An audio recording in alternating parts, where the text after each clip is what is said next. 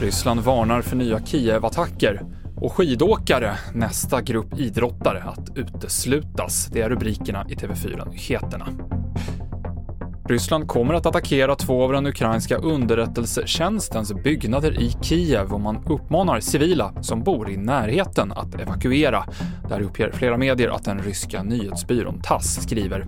Det är det ryska försvarsdepartementet som kommer med uppmaningen.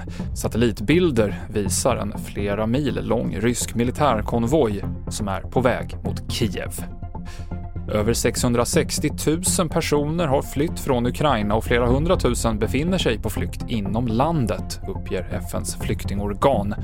Tidigare idag kom besked om att den svenska regeringen skjuter till ytterligare 500 miljoner kronor i bistånd till Ukraina. Vi hör biståndsminister Matilda Ernkrans. De 500 miljoner kronor som regeringen nu har beslutat om ska kanaliseras eh, genom humanitära organisationer som underlättar eh, situationen för människor både i Ukraina och till de som eh, tvingas på flykt i regionen. Och det kan ju handla om till exempelvis sjukvård, mat, vatten, hygienartiklar, sovplatser utefter hur behoven ser ut.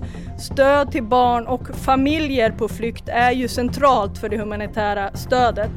Och rysk idrott blir allt mer isolerad. Det internationella skidförbundet FIS stoppar nu skidåkare från Belarus och Ryssland från att delta i världscuptävlingar, något som bland annat Norge krävt. Igår kom beskedet från både det internationella fotbollsförbundet och det internationella hockeyförbundet att man stänger ute Ryssland från tävlingar.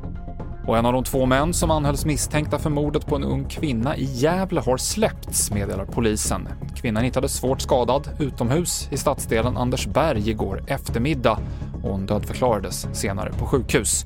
De två unga männen greps igår och anhölls senare och de är kända av polisen sedan tidigare, skriver Gävle Dagblad. Det senaste om kriget i Ukraina hittar du på tv4.se och i appen TV4 Nyheterna. I studion idag Mikael Klintevall.